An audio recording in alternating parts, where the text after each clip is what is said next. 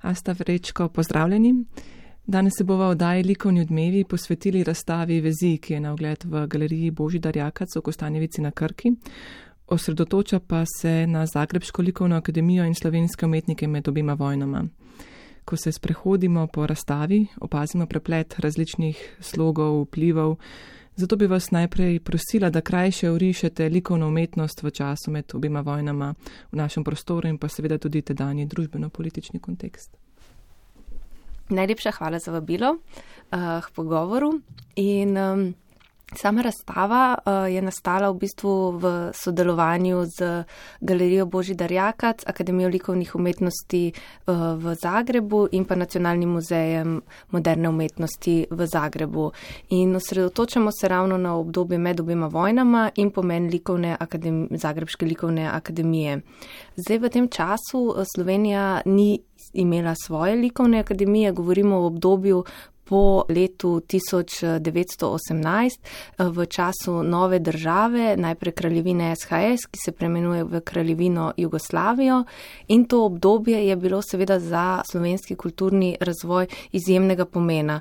Po razpadu Avstro-Ogrske se v teh letih upi za vzpostavitev nacionalne infrastrukture za kulturo in umetnost močno dvignejo. In seveda leta 19 se dobi univerzo v Ljubljani in nekatere umetnostne institucije, med drugim se ustanovi tudi Društvo Narodna galerija. Ne pride pa do same ustanovitve moderne galerije in Akademije za likovne umetnosti, kar sta bili dve veliki želji slovenskih likovnih umetnikov in za kar so si močno prizadevali. Sama kraljevina je bila urejena precej unitaristično, tem času je vladala tako imenovana neka vidovdanska ideologija, utemeljena v vidovdanski ustavi, torej da je kraljevina združba treh plemen in kraljevina je bila utemeljena na vidovdanski ustavi, v kateri so nacionalnosti slovensko, srbsko in hrvaško predstavljena kot tri plemena in zaradi tega ni bilo toliko možno izražati nacionalne emancipacije. In vse to je determiniralo tudi likovno in kulturno kulturno področje. No, kot bomo videli pozneje, so te politične razmere tudi vodile v neko pospešeno iskanje nacionalnega izraza, kar je zelo zanimiv problem tedanjega časa, ampak morda najprej tudi tako slogovno, likovno, gre za neko mirni modernizem, kot pravite, pravzaprav za obrat v tistem času. Razbiramo pa sledi mogoče tudi kakšnih drugih smeri, kaj vse lahko zaznavamo v delih razstavljenih v galeriji Božidar Jakac v Kostanjevici na Krki.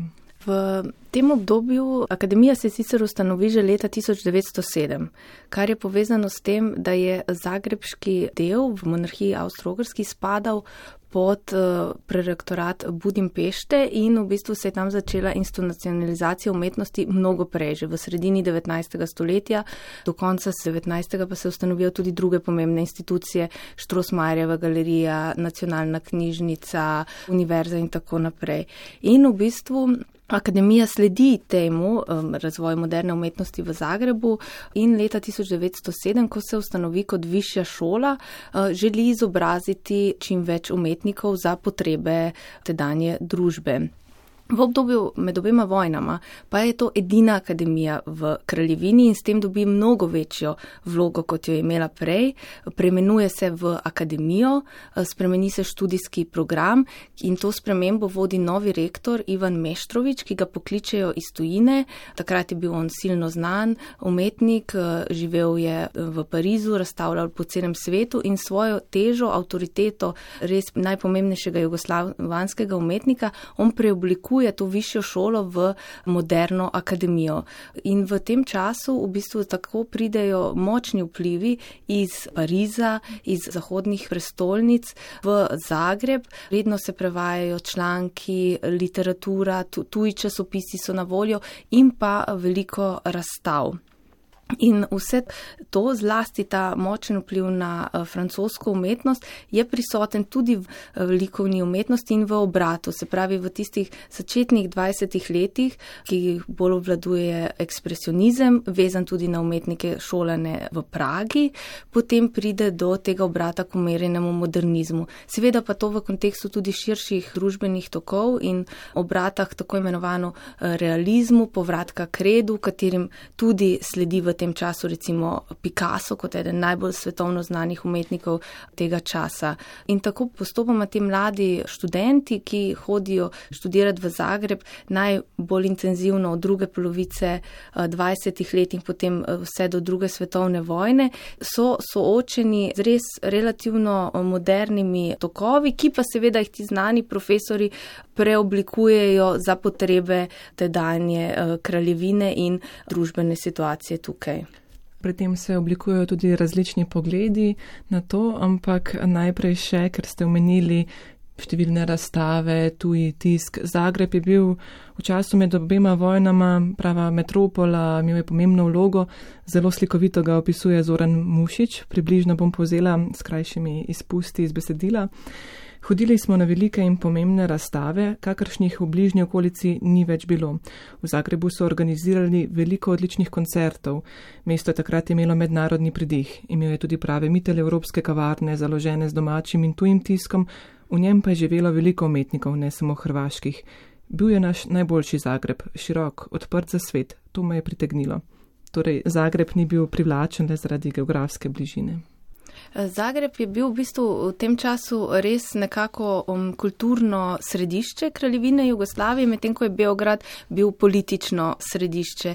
In seveda tako zaradi bli, geografske bližine, kot tudi zaradi v bistvu nekega morda idejno-politične bližine, eh, s katero nekateri v Beogradu takrat niso bili blizu, je bil za slovenske študente seveda izjemnega pomena. Sam Beograd tudi pravzaprav prave akademije v tem času ni imel višjo šolo dobi šele v 30 letih. Prav tako pa je Zagreb bil opremljen, kot rečeno, z vsemi temi institucijami, kulturnimi in umetnostnimi, ki jih druga mesta niso imela. Ni bil izključno Ivan Meštrovič tisti, ki je prišel nazaj in učil tudi drugi umetniki svetovnega formata, so takrat delovali v Zagrebu.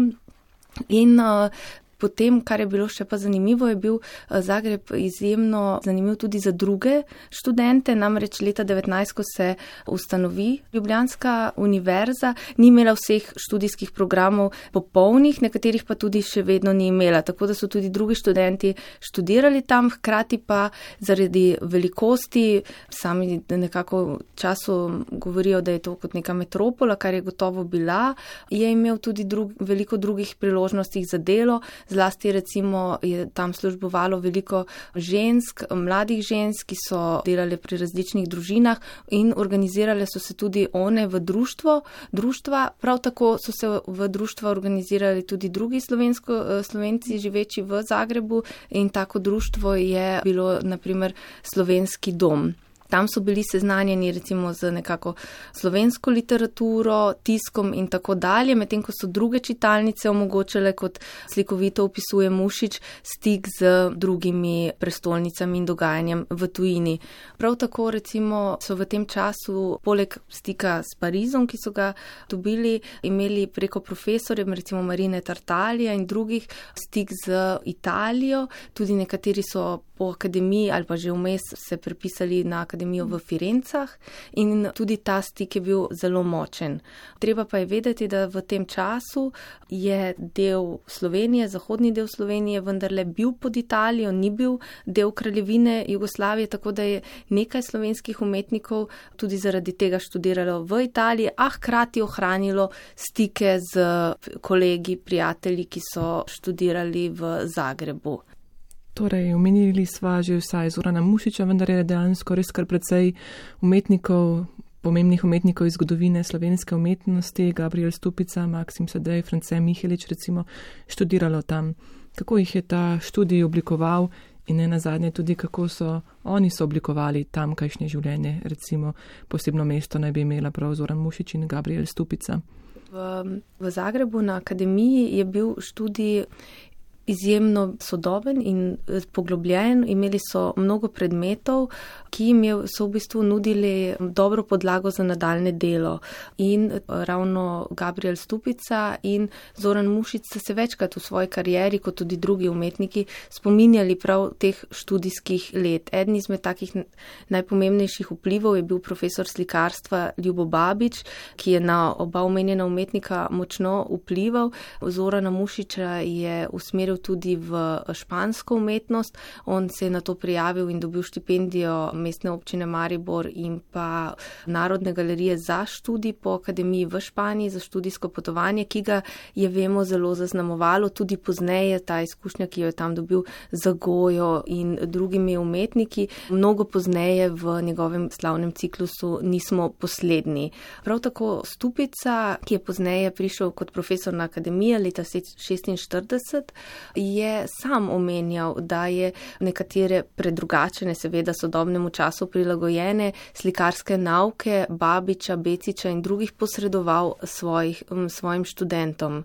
In, V bistvu je ta akademija nekako uh, imela pa še drugi del, ki je bil zelo pomemben, da je povezala vse takratne aktivne študente umetnosti, pozneje so ustvarjalce kulturnega in umetnostnega prostora in med njimi spletla močna prijateljstva, poznanstva ali nekako, kot smo naslovili razstavo, tudi vezi, ki so se prepletale ne zgolj na področju umetnosti, ampak tudi družbeno-političnega delovanja po vojni recimo v različnih komisijah, društvih in tako dalje. Sam Zagreb pa je ravno s to nekako kozmopolitanskostjo, ki je morda v tem času Ljubljana ni na ta način imela, je v likovni umetnosti nekako dal še ta urbani pridih, ki ga vidimo v upodobitvah predmesti, mesta, neke, neke malo bolj metropolske vizije, kot recimo upodobitve krajev mest, ki so bili na takratnem ozemlju Slovenije. In to se mi zdi, da je morda en tak. Um, en eh, čisto ikonografski vpliv mhm. tudi Zagreba. Je to oziranje v mestno ali pa vsakdanje življenje tudi nekaj, kar recimo povezujemo z metodo Hege Dušič Babič, ki se omenja, da je prinesla določene spremembe. Zanimivo, da imata drugačen pogled, pa vendar potem sodelujeta in nekako prideta skupaj. Eh, v tem času je pravzaprav na katerem koli koncu si pogledal, mi seveda, eh, ki gledamo to za nazaj, analiziramo to obdobje, se je odprl časopis, pogledamo likovno delo, odpremo knjigo, najdemo neka nasprotovanja, antagonizme med uh, jugoslovanstvom, internacionalnim, našim, tujim. To so vendarle leta bitke velikih ideologij na različnih ravneh. In seveda tudi vsi umetniki, ki so sodelovali, lahko tudi skupaj razstavljali v različnih društvih, niso imeli enakega pogleda na svet. A recimo ravno primera Ljubo Babiče in eh, Krste Hege Dušiča, ki na akademijo pride kot profesor šele v drugi polovici 30 let, kažeta, da so ta nasprotovanja bila v bistvu na različnih naravneh, možno poleg eh, nasprotovanj tudi sodelovanja. In, um, ona dva potem na akademiji naredita to slavno metodo Hige Dušič Babič, ki je predpostavljala, da um, študenti gredo tudi ven, med ljudi, na ulice, hkrati pa je imela nek drug čist, kako se je učilo risanje, kako pristopati k slikanju uh, in k risbi. In to, da je Hige Dušič sploh bil nagnjen temu, da se upodablja življenje tako, kot je med ljudmi, ne v ateljeju, je pripomoglo k temu, da se v likovni umetnosti umetnosti pojavi več motivov iz tedanjega družbenega življenja, predmestja, gostilne, potem čakalnice, por za delo, to je čas gospodarske krize, kjer so ljudje dnevno čakali za kakšno delo, ali pa razdeljevalnic hrane, kajti tudi lakota je bila precej velika, seveda za najrevnejše prebivalce. In, um, Ta metoda Hege Dušič Babice je ravno na slovenskih študentih izkazala kot izjemno uspešno.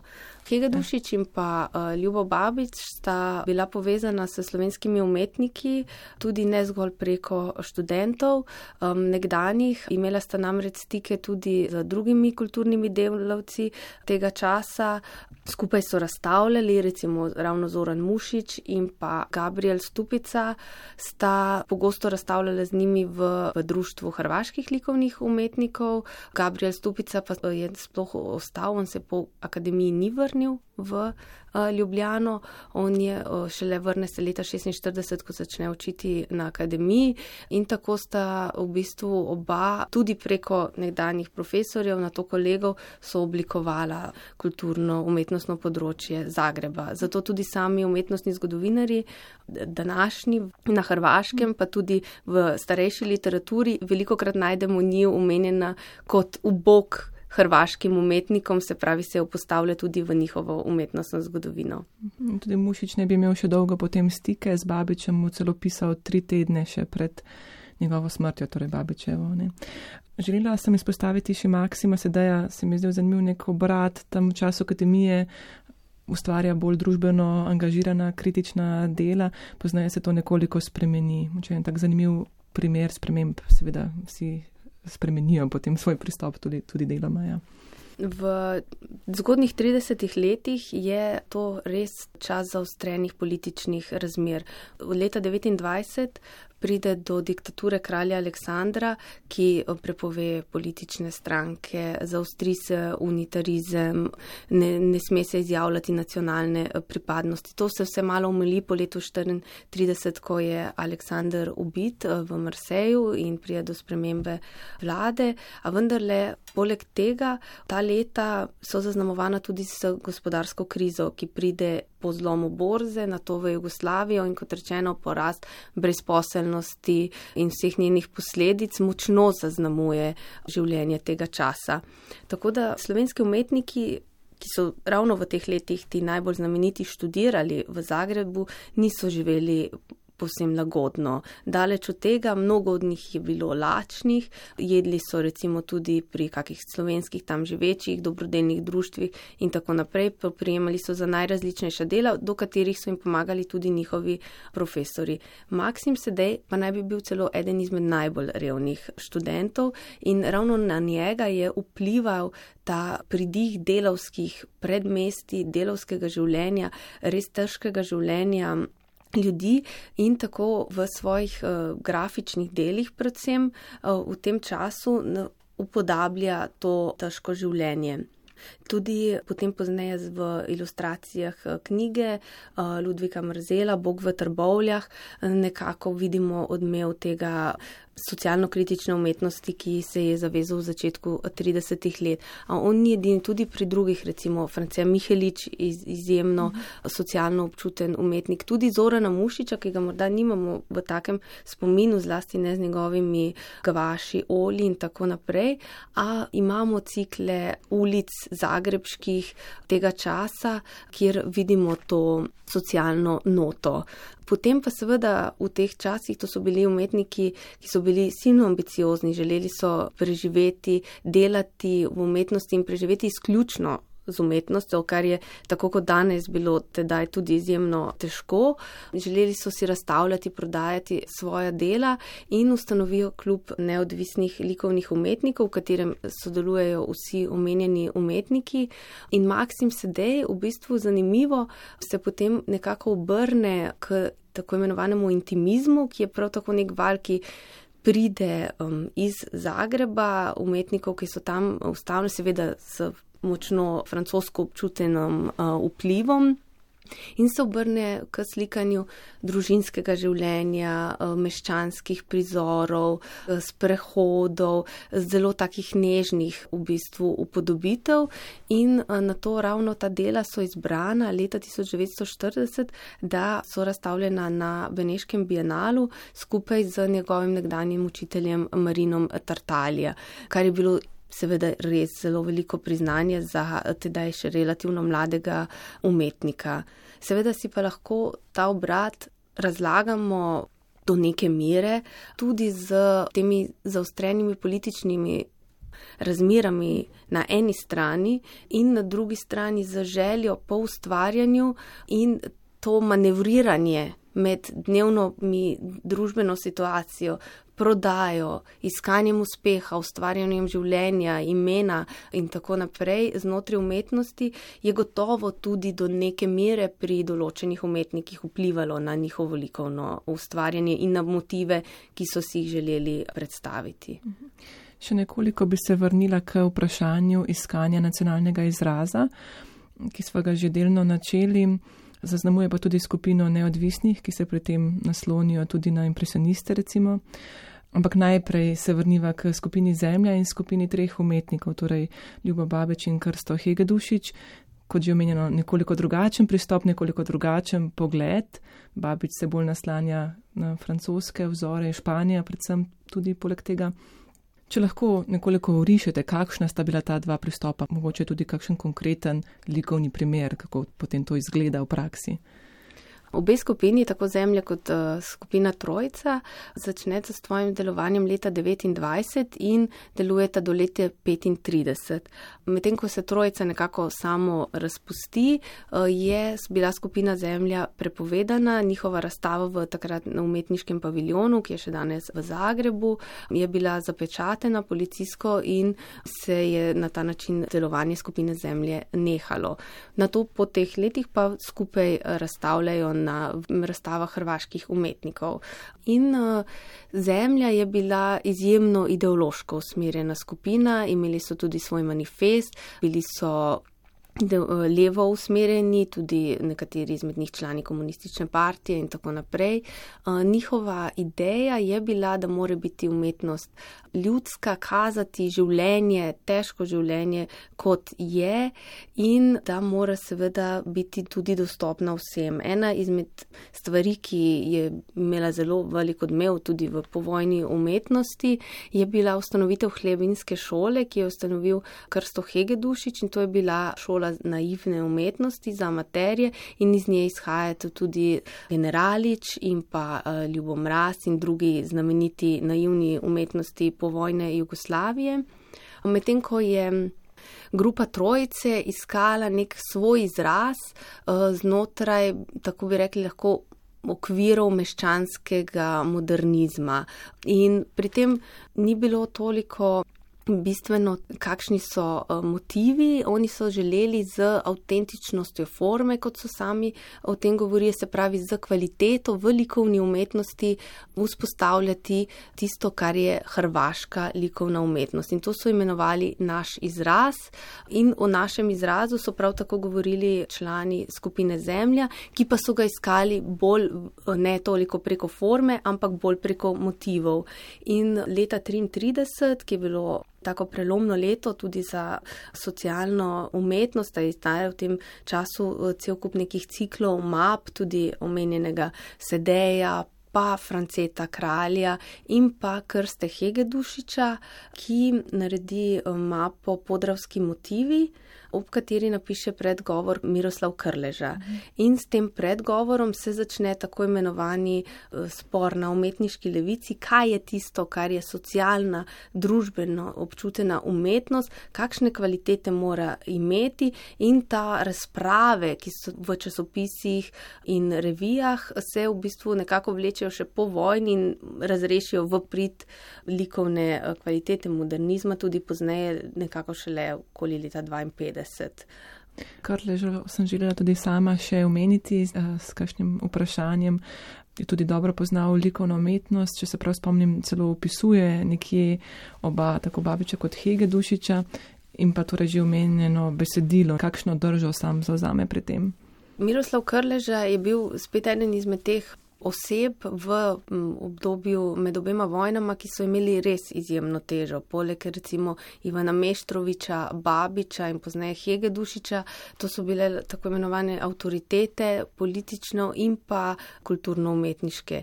In uh, Krleža je seveda vse te uh, ljudi dobro poznal, z njimi prijateljeval in imel tudi neko prijateljsko, pa na drugi strani tudi kritično držo do njihove umetnosti. In um, tudi pri nas je bil njegov vpliv precej močan, ne samo, da se je bralo in analizirano njegove tekste, ampak tudi nekako res ta uh, njegova odnos do umetnosti in njegovi um, pogledi na estetiko, eh, na teorijo likovne umetnosti in tako naprej, so imeli močan vpliv ne zgolj na likovno umetnost, ampak seveda tudi na literarno teorijo in eh, tako naprej. Recimo Bratko Kreft je nekdo, ki je tudi v obdobju med obema vojnama pogosto se naslanjal in pisal o Miroslavu Krleži.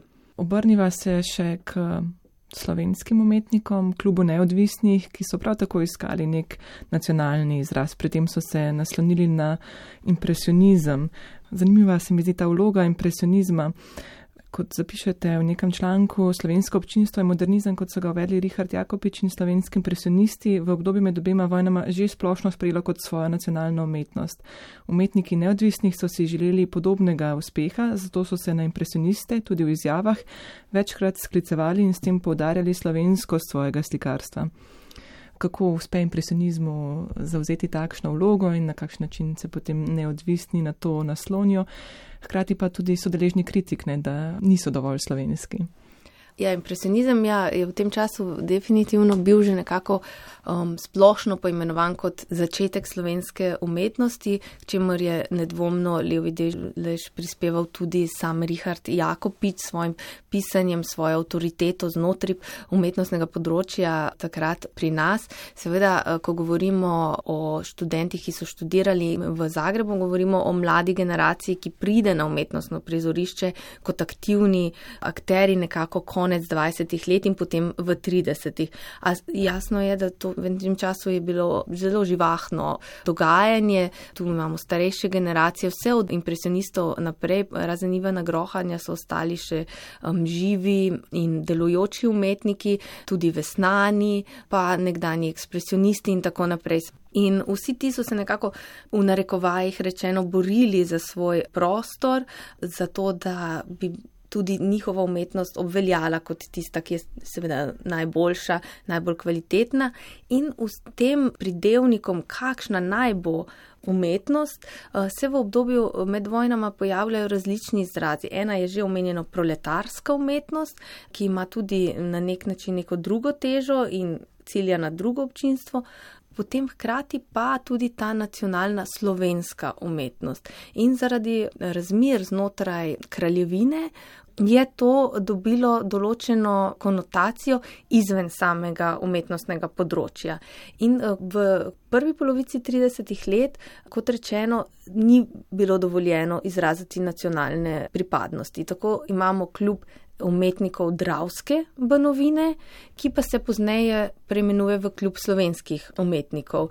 Prav tako neodvisni se najprej brez izraza slovenski poimenuje, potem pa zmero bolj začne uporabljati besedo slovenski likovni umetniki.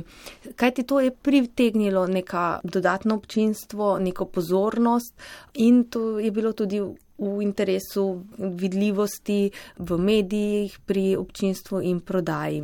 In uh, sama konotacija, kaj pa je slovenska umetnost, pa je seveda imela različne poglede, tako kot na hrvaškem, tudi na slovenskem. Neodvisni so se mnogo bolj naslanjali na babičevo predstavo, torej um, likovna umetnost mora imeti kvaliteto in kvaliteta je tista najvišja vrednota, ki definira nek izraz, likovni izraz nacionalni. In oni so se pri tem najbolj videli kraj krajino kot tisti žanr, ki uteleša nacionalno umetnost. A ne zgolj krajina, tudi gre za neke žanrske prizore, umeščene v neko krajino in to ni, ne smemo misliti, da je krajina izključno, da imamo tam kozolec ali pa neko uh, crkv, triglav, karkoli, se pravi, kar smo bolj navajeni pri starejši umetnosti, ampak gre za nek duh pokrajine. Štimunga. Neko štimungo, tako.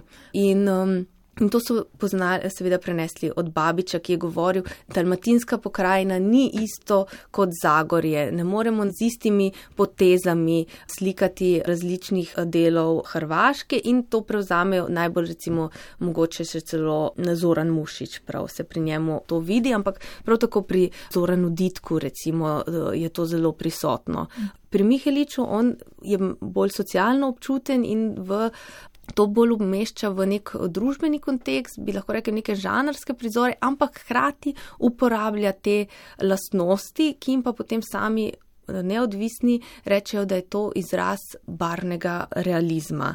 Tako da o tem nekako vsi pišejo in o tem razmišljajo in um, hkrati pa v tem času imamo umetnike, ki razumejo slovensko umetnost malo bolj na tradicionalen način, recimo z nekdani vesnani, kot so Gaspari in tako naprej, vidijo slovensko v idealiziranih kmečkih prizorih, v nekih tradicionalnih vrednotah, ampak bolj olepšenih, celo nekako malo bolj kičastih.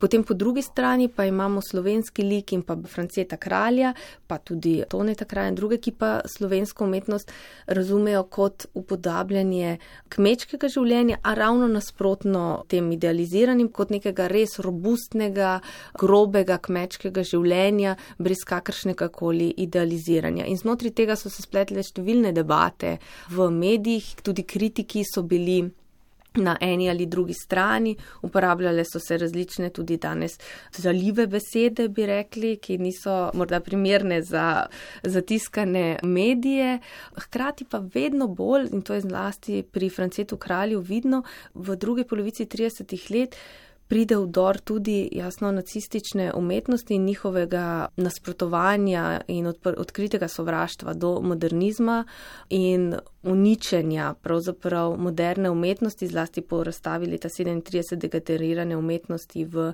Mindnu. Tudi tukaj prihajajo ti ideološki odnos do umetnosti na plano pri nekaterih kritikah, ali ne zgolj kritikih, tudi tistih, ki so uničevali umetniška dela, bilo jih je manj, morda manj znanih, ampak Francej kralj je žal doživel tako usodo, da so mu nekatere dela uničile ravno na predpostavkah izrojene umetnosti.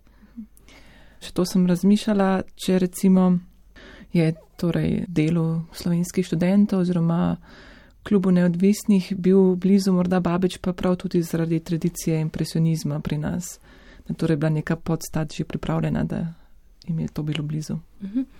Um, impresionisti so preko ravno krajine kot tistega, tistega žanra slovenske umetnosti, ki je najbolj avtentično reprezentira nacionalno umetnost, vzpostavili dobro podlago za klub neodvisnih in nekdanje zagrebške uh, študente, ki so se v barnem realizmu realizirali potem v 30 letih.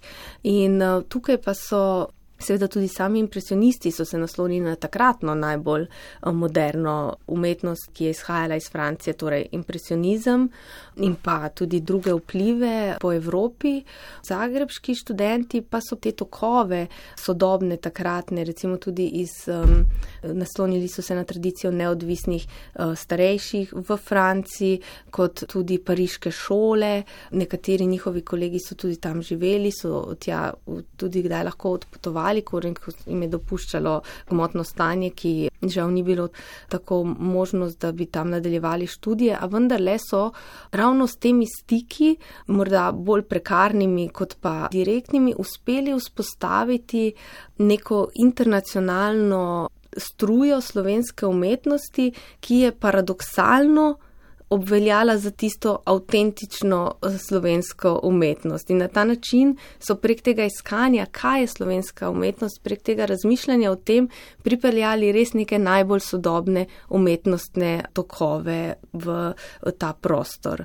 Pravkar pa ravno v sodelovanju z galerijo Božidar Jakac in Cankarjevim domom pripravljamo nekako naslednjo razstavo, ki bo povzela tudi ta izhodišča, ki smo jih nastavili v teh dveh razstavah Zagrebu in trenutni v Kostanjevici na Krki in uh, se posvetila izključno klubu neodvisnih slovenskih umetnikov in bo odprta v Cankarjevem domu od aprila.